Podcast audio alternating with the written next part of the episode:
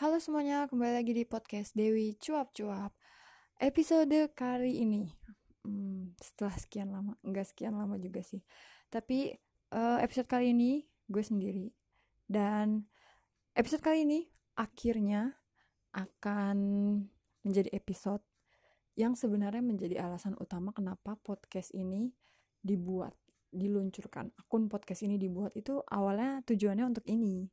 Tapi baru kesampaian saat ini. Jadi seperti judulnya ini adalah pojok bedah buku dan berhubung gua nih sukanya bacanya novel, jadi yang dibedah adalah bukan bedah sih sebenarnya kayak lebih review ya, review buku. Yang akan direview adalah buku novel tentu saja ya. Jenis novel. Uh, kenapa baru bisa terlaksana sekarang?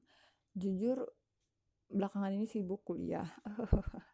udah mahasiswa semester akhir bukannya sombong atau gimana tapi memang kayak banyak kerjaan banyak tugas dan karena secara online jadi hampir 24 jam berkutat dengan tugas dan lain-lain uh, jadi belum ada waktu untuk kembali baca novel. Sementara kalau misalkan mau review novel jelas harus baca dulu gitu kan gak bisa berdasarkan ingatan semata. Jadi begitulah kenapa baru terlaksana hari ini gitu Nah, soal novel gue nih sangat suka baca novel. Kayak gue hampir punya, nggak tahu deh mungkin 20 lebih, kayaknya hampir 30-an novel di rumah. Dan kebanyakan bahasa Indonesia sih, karena gue lebih suka baca bahasa Indonesia. Gak tau kenapa, karena feel-nya lebih dapat aja gitu kalau bahasa Indonesia. Kalau sedih kayak, oh I can feel kesedihannya sangat terasa gitu. Kalau kayak kesel sangat terasa gitu. Dan uh, dari sekian banyak novel ada beberapa novel dari beberapa penulis yang sama.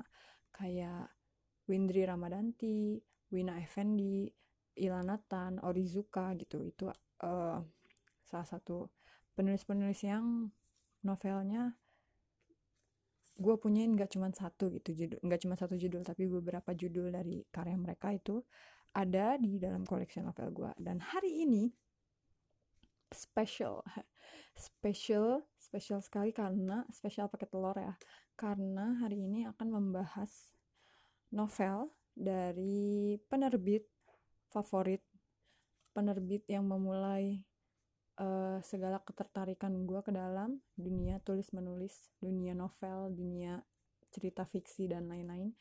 Ini adalah berkat penulis ini jadi ini sangat spesial.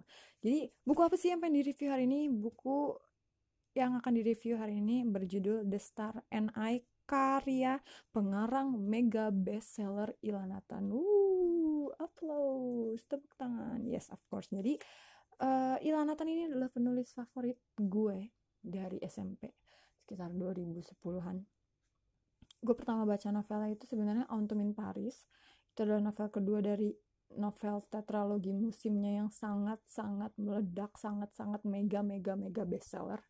Tapi gue ada karena gue suka apa novel Autumn in Paris dan waktu gue cari di warnet dulu mainnya masih warnet waktu gue cari di warnet ternyata dia itu tetralogi jadi gue ngajak bapak gue ke Gramedia Masjid Agung Bogor situ buat beli yang satu set gitu jadi yang yang gue punya di rumah sekarang ini masih uh, cover edisi pertama banget. Jadi bukan yang sekarang yang bisa kalian lihat di toko buku di Gramedia gitu. Bukan ya beda. Jadi special. Oke. Okay. nah setelah itu gue ngefans banget sama Ilah Nathan. Karena jujur kayaknya Autumn, Autumn in Paris itu adalah novel pertama yang gue pernah baca seumur hidup gue dan gue langsung jatuh cinta. Padahal ceritanya ya tragis gitu kan waktu uh, endingnya Autumn in Paris itu.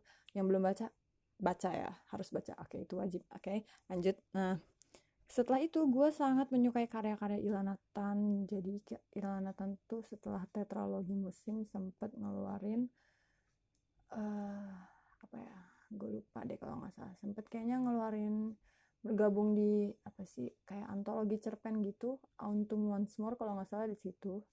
Terus novel selanjutnya itu kalau nggak salah Sunshine Becomes You gue nggak inget tahun berapa. Abis itu In a Blue Moon. Itu 2015 I guess. Ya 2015 kalau nggak salah. Dan setelah lima tahun barulah keluar lagi. Muncullah ini karya pertama setelah sekian lama The Star and I. Oke jadi kayaknya ini masih uh, kalau tetralogi musim itu kan backgroundnya beda negara beda kota gitu kan. Jadi ada Summer in Seoul ada Autumn in Paris ada Winter in Tokyo dan ada Spring in London. Nah kalau tiga novel termasuk The Star and I ini yang dirilis setelah tetralogi musim itu mereka semua background tempatnya itu di New York. Sunshine Becomes You di New York In a Bloom di, di New York juga The Star and I juga di New York. Nah uh, seperti yang kalian tahu juga novel-novel Kaila Nathan ini udah pernah difilmkan ya diangkat ke film Winter in Tokyo dan Sunshine Becomes You. Tapi yang gue tonton Winter in Tokyo doang karena Sunshine Becomes You jujur gue tidak serak dengan pemilihan pemainnya. Jadi daripada merusak imajinasi gue tentang novel tersebut sebaiknya jangan ditonton ya kan? Oke. Okay. nah hari ini The Star and I ini sumpah ini adalah novel yang kayak gue udah nunggu-nunggu banget kayak kapan sih Kak Ilanatan rilis novel lagi ini tuh sangat gue tunggu-tunggu jadi langsung aja kita mulai oke okay? Oke, okay, jadi sekarang ini gue pegang buku fisiknya karena gue ikut uh, pre-ordernya kemarin yang dibuka Desember 2020 uh, eh, dan gue ikut. Jelas lah, nggak mungkin ya gue nggak ikut karena kayak gue udah nunggu bertahun-tahun gitu kapan Kak Nathan rilis novel baru gitu kan. Jadi langsung gue ikut pre-ordernya waktu gue ikut pre-order itu dapat potongan jadi ini harganya harusnya 99.000 tapi kemarin pre-order itu harganya 79.000 ada 900 nya nggak? Nggak tahu deh pokoknya 79.000 kalau nggak salah. Dan uh, bonus pre-order ini dapat tanda tangan digital digital Kak Nathan jadi di halaman pertama itu ada tanda tangan keilatan oh my god. I'm a successful fan. Oke. Okay. dengan tulisan let's hope for a better new year gitu. Aduh oh my god. Emang. Dan pengirimannya waktu PO kemarin sih cepet ya kalau nggak salah. Kayak nggak nyampe seminggu. Apa nyampe seminggu? Nyampe deh seminggu. Tapi itu termasuknya cepet karena waktu gue beli di official kan belinya di Shopee ya di official akunnya Gramedia tuh uh, kira-kira pengirimannya kayak sekitar dua mingguan gitu dibilangnya tapi ternyata udah nyampe. Jadi pas gue lagi cuci piring tiba-tiba mbak ada paket gitu. Ah paket apa?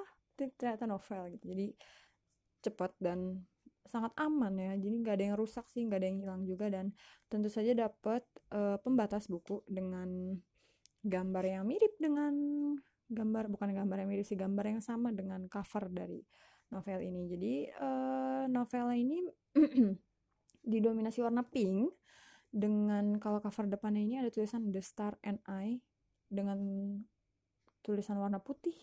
Lumayan gede sih di tengah atas gitu. Lalu di pojok kanannya ada logo Gramedia selaku penerbit. Lalu di bawah judulnya ada tulisan kulihat dunia dalam matamu dan masa depan dalam senyummu. Oh my god Ah, dan ini kalau misalkan dilihat kayaknya gambarnya sih kayak gambar Broadway ya, Broadway kayaknya. Gue belum pernah lihat Broadway kayak gimana, jadi menduga-duga saja. Dan di bawahnya ada tulisan Ilanatan dengan font yang khas. Fontnya Kak Ilanatan kayak gini. Pengarang mega bestseller. Nah, sebelum review, kita baca dulu kali sinopsis di belakangnya. The Star and I. Sejak kecil, Olivia Mitchell, kayaknya bacanya Mitchell ya, tulisannya M-I-T-C-H-A-L-L. Uh, ingin, kok A sih Olivia Mitchell, M-I-T-C-H-E-L-L, pokoknya itu ya tulisannya. Kalau salah sebut, maafin. Olivia Mitchell ingin tahu siapa orang tua kandungnya. Jadi ketika ia mendapat kesempatan bekerja di New York, ia pun menyambang, menyambarnya tanpa ragu. Namun, mencari seseorang tanpa nama di kota sebesar New York adalah sesuatu yang mustahil.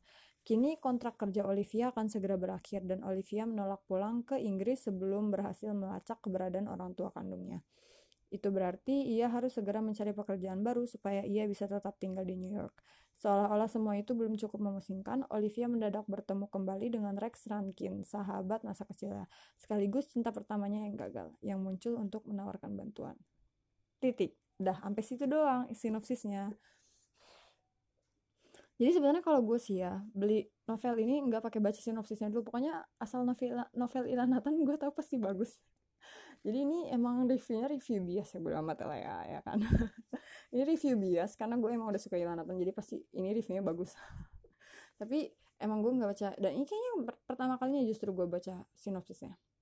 Sinopsisnya sangat tidak menjelaskan keseluruhan cerita ini maksud uh, apa ya kayak sangat ya namanya juga sinopsis ya kalau menjelaskan seluruh cerita namanya bukan sinopsis. Ya intinya uh, kayak lu akan mendapatkan lebih dari yang ditawarkan oleh sinopsisnya sih kayak lebih banget.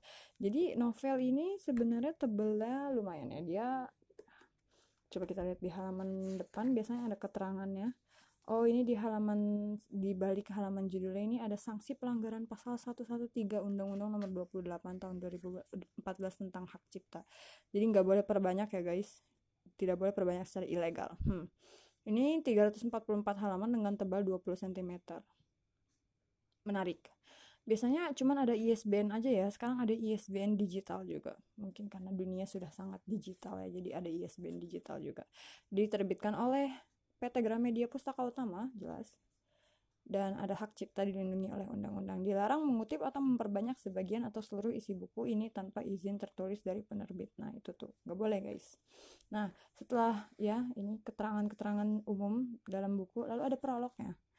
Prolognya Had I the heavens embro embroidered clothes, oh my god, bahasa Inggris gue hancur banget, maaf ya, and wrought with golden and silver light, the blue and the dim and the dark clothes of night and light and the half light, I would spread the clothes under your feet, but I, being poor, have only my dreams.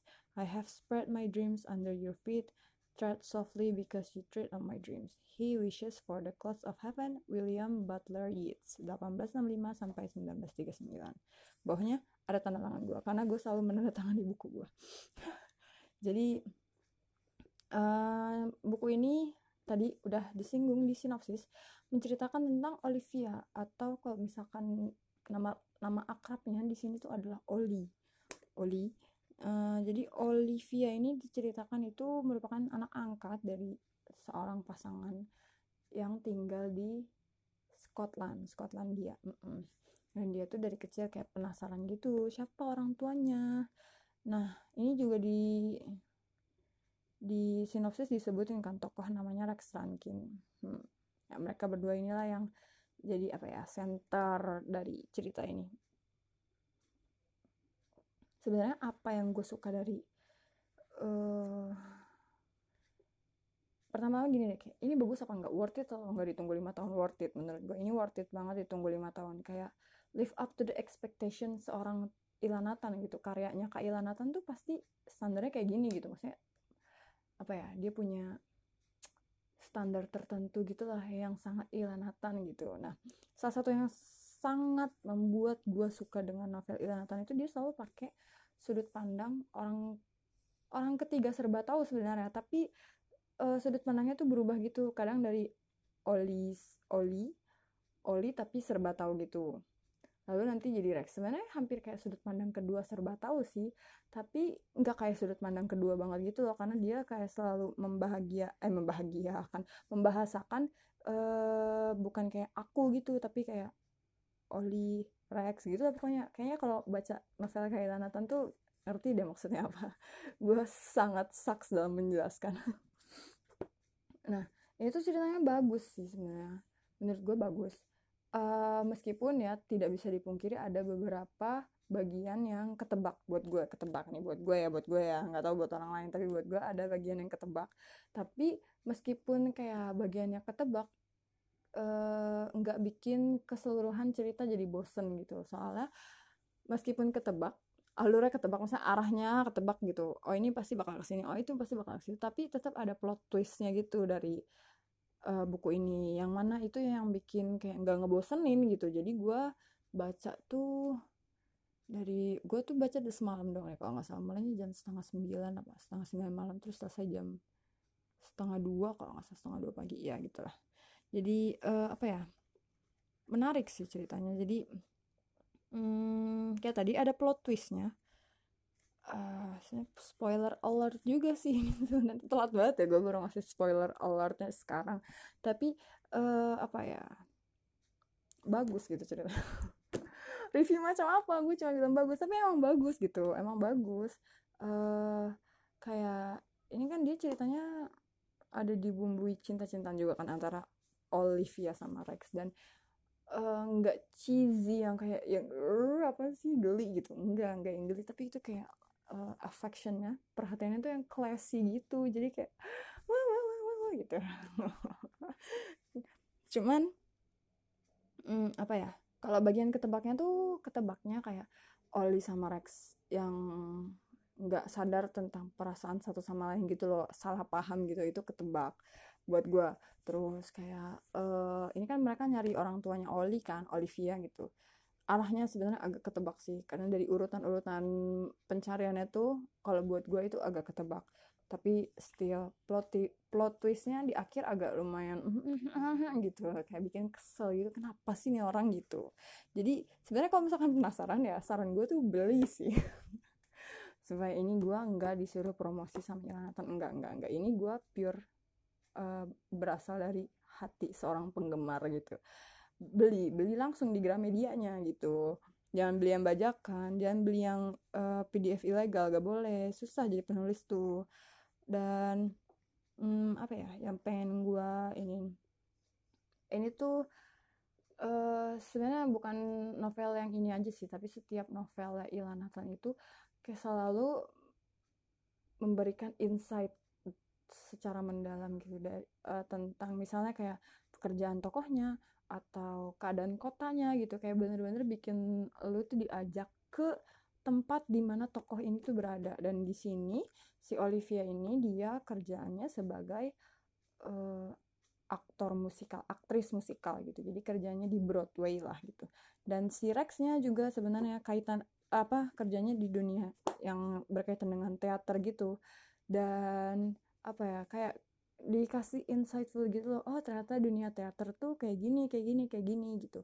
Jadi kalau misalnya baca novel Ilanatan itu pasti ada istilah-istilah baru yang lu pelajari lalu kayak jadi apa ya dijelaskan gitu loh uh, dan membantu pemahaman sih sebenarnya pemahaman dalam cerita gitu kalau dari segi tokohnya menurut gue hmm, coba gue ingat-ingat. Uh, biasa aja sih maksudnya kayak yang nggak terlalu aneh nggak terlalu bukan bukan tipikal-tipikal toko yang aneh atau tipikal-tipikal toko yang cheesy gitu enggak sih biasanya. Kayak kayak manusia biasa dan justru itu yang bikin kayak lebih relatable aja menurut gue jadi lebih enak dibaca. Karena kan kadang kalau kita baca apa namanya cerita dengan tokoh yang terlalu ekstrim saya kayak sadis-sadis banget lebay-lebay banget gitu kan kayak apa sih? gitu kan kelihatan banget fiksinya. Ini meskipun fiksi tapi kayak ya relatable semua tokoh-tokohnya tuh dibangun dibangun atas dasar apa ya atas dasar nilai-nilai yang trait yang ada di dalam manusia pada umumnya gitu. Jadi kan lebih uh, apa relatable. Tapi ada satu yang sebenarnya kayak gue jarang banget sih nemu di novela Kak Ilanatan jadi uh, ada tokoh yang namanya John di sini dan itu menurut gue nggak tahu kenapa lucu. Apa ya uh, dialog-dialog yang dia sebutin tuh lucu. Lucu beneran kayak gue kebayang gitu loh ada orang yang kayak John gitu sih. Dan hmm, untuk overall ceritanya kayak berani-beraninya gue mau ngasih nilai buat buat leluhur Kak Nathan gitu kan. Panutanku gitu. Tapi ini kalau misalkan bisa dikasih nilai ini saya dari 1 sampai 10 ini nilainya 100 sih eh enggak deh jangan 100 dulu. Soalnya kalau 100 itu oh jangan kan novel favorit gue tuh On Paris. Berarti kalau On Paris itu 1000 dari 10 emang emang ini tuh novelnya bi ini reviewnya bias ya. Ya udah mohon maaf gitu kan. Tapi emang bagus ya. Jadi ya menurut teman-teman aja gitu kan. Menurut kalian aja pasti ada alasan kenapa Kak Ilanatan jadi pengharang mega bestseller. Karena ya dia cara penyampaiannya tuh uh, ringan menurut gue ringan. Dan kalau misalkan ada love line ada cerita cerita tentang percintaan gitu tuh um, dia tuh cara nyampeinnya apa ya manis tapi nggak berlebihan. Selalu manis gitu kayak mm, so sweet. Tapi nggak kayak gitu. Nggak yang bikin lu jijik sendiri gitu enggak sangat so sweet uh, sesuai takaran lah gitu. Dan uh, kalau misalkan ngeliat di Instagram Kak Ilana kan kan Kak Ilana tuh Kak Ilana tuh banyak nge-review bukan nge-review nge-repost kayak komentar-komentar pembacanya tentang The Star and I kan dan orang-orang tuh banyak yang tergila-gila sama tokoh Rex Rankin. Jadi kalau di sini tuh Rex kayak kayak apa ya Rex tuh digambarinnya hmm kayak Rex kayak Rex gitu. Nggak tahu kenapa gue gue sudah punya struktur tersendiri atas seseorang bernama Rex. Jadi kayak dia tuh diam gak banyak omong. Tapi dia tuh sebenarnya sangat so sweet. Dan so sweetnya tuh cuman ke Olivia doang. Kayak bikin orang-orang pengen punya seseorang kayak Rex Rankin tapi uh, dia terlalu sempurna untuk ditemukan di dunia nyata tidak percaya aku bisa menemukan orang seperti Rex Rankin gitu Uh, jadi ya emang ini bagus ceritanya. Selalu ada moral sih yang bisa disampaikan dalam novel Kaila Nathan dan yang gak nyesel gue nungguin lima tahun. Tapi sih gue berharapnya novel selanjutnya jangan selama ini gitu ya. Maksudnya kayak kelamaan gitu gue sedih gitu kan. Gak ada asupan gizi gak asupan bacaan gitu. Nah hmm, satu hal sih. Ini membuat gue merasa semakin kesepian. Ya jomblo ngenes gitu kan untungnya ceritanya ini nggak nggak terlalu apa ya set ending sih. Nggak terlalu set ending. Soalnya kayaknya untuk in Paris sama Sunshine Becomes You itu set ending ya. Nah ini alhamdulillahnya nggak set ending. Meskipun uh, kan sebenarnya cerita ini berkutat sama usahanya Olivia buat nyari orang tuanya ya itu agak set ending sih. Tapi buat Rex sama Olivia sebagai tokoh utamanya gue rasa enggak set ending sih. Gitu. Bagus. Nah ini di belakangnya ternyata ada cuy. Uh, apa namanya? Novel-novel yang sudah dirilis oleh Kaila Nathan Summer in Seoul lalu ada Autumn in Paris My Favorite Ever Forever. Lalu ada Winter in Tokyo yang udah pernah diangkat ke novel juga. Lalu ada Spring in London itu dari tetralogi musim. Dan ada Sunshine Becomes You tentang Mia Clark ya kalau nggak salah Sunshine Becomes You tuh. Lalu ada In a Blue Moon ya Lucas Ford dan Sophie. Hmm gitu. Uh, terus kalau misalkan kayak nanya kan ini deh kayak mereka sama-sama backgroundnya di New York kira-kira ada hubungannya atau enggak satu sama lain ceritanya. Kalau dari tetralogi musim sebenarnya nggak ada ceritanya. Eh, nggak uh, ada ceritanya kan jadinya nggak nggak ada kaitannya tapi ceritanya nggak ada kaitannya tapi tokohnya ada kaitannya dan itu cuma kayak disinggung sedikit gitu. Nggak mempengaruhi secara keseluruhan ceritanya. Jadi mereka ceritanya masih bisa berdiri sendiri. Begitu juga dengan ini sih The Star and I. Uh, malah mereka tuh lebih subtle lebih nggak kelihatan gitu hubungannya. Kayak cuman pernah disebutin tempat makannya sama kayak di sini sama di mana ya? Yang ada tempat makannya sama. Uh, Sunshine Becomes You atau uh, In a Blue Moon kayak gue lupa. Pokoknya kayak tempatnya masih tempat-tempat yang sama gitu yang dipakai. Kayak di sebelumnya cuman kayak sebagai background makan ternyata kalau di sini ada cerita yang lebih dalam gitu tentang tempat tersebut. Sebenarnya kalau misalkan bukan fansnya Kaila Nathan yang gak ngaruh sih. Cuman kalau misalkan kita sebagai fansnya itu kayak Easter egg gitu kayak oh my god ternyata ini dia pernah perasaan dia pernah disebut di novel yang mana gitu. Ternyata oh ternyata ternyata ternyata ternyata kayak gitu sih. Tapi kalau misalkan kayak ih gue belum pernah baca novel Ila Nathan sebelumnya ya that's fine. Nggak nggak nggak mempengaruhi pemahaman lo tentang novel ini sama sekali gitu. Kayak gitu sih. Jadi uh, recommended of course bias gue bias dalam dunia pernovelan Kak Ilanatan uh, recommended banget. Um, dibeli di Gramedia atau di Shopee. Kayaknya mungkin masih ada kali ya di tapi di official store-nya ya. Jangan beli yang bajakan. Jangan beli PDF ilegal oke? Okay? dukung dan dukung dengan cara membeli yang resmi. Dukung penulis lokal kita gitu kan ya. Uh, sayangnya mungkin kalau sekarang beli udah nggak dapet tanda tangan digital ya. Sombong. Tapi uh, sangat apa ya sangat lumayan sih untuk mengisi kekosongan. Misalnya kalau lagi libur sekarang karena libur kuliah atau kayak pandemi di rumah gitu kan gabut sangat sangat uh, apa ya bisa mengisi waktu luang gitu. Karena kan tadi tebel kan berapa halaman tuh 300an lebih gitu kan dan nggak ber nggak nggak nggak nggak belibet gitu ceritanya. Cara nyampeinnya tuh sangat sangat mulus gitu. Sangat seperti Kak Nathan ya pokoknya mantap lah. Jadi jangan lupa ya guys dibeli kalau kalian penasaran. Karena gue nggak mau hmm, apa ya nggak mau ber nggak mau apa sih nggak mau men spoiler lebih lanjut ya. Karena takut kena apa nanti hak cipta segala macem gitu kan. Tapi intinya ini sangat bagus dan jangan takut kayak apa sih nggak paham dunia Broadway nggak paham dunia teater. Karena dijelasin nama Kak Ilana selalu ada catatan kaki untuk menjelaskan istilah-istilah yang belum kita tahu. Itu selalu ada. Jadi jangan khawatir. Hmm. Segitu aja kali ya reviewnya hari ini. Semoga ntar uh, kalau ada segmen review lagi Dewi bisa review lebih berfaedah. Jadi ini nilainya 100 dari 10 oke? Okay? The Star and I. Kalau yang mau baca jangan lupa beli secara legal oke? Okay? dah gitu. Untuk ke depannya podcast Dewi Cuap Cuap belum tahu sih mau ngapain nih nggak apa-apa lah ya.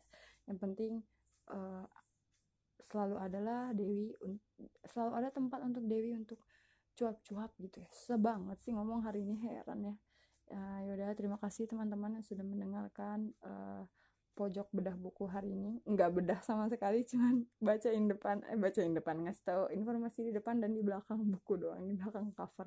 Tapi that's fine. Kalau penasaran baca sendiri. Jangan lupa beli secara legal oke? Okay? uh, eh, sampai sini dulu kali ya Dewi Cuap Cuap hari ini. Sampai bertemu di episode-episode berikutnya. Bye bye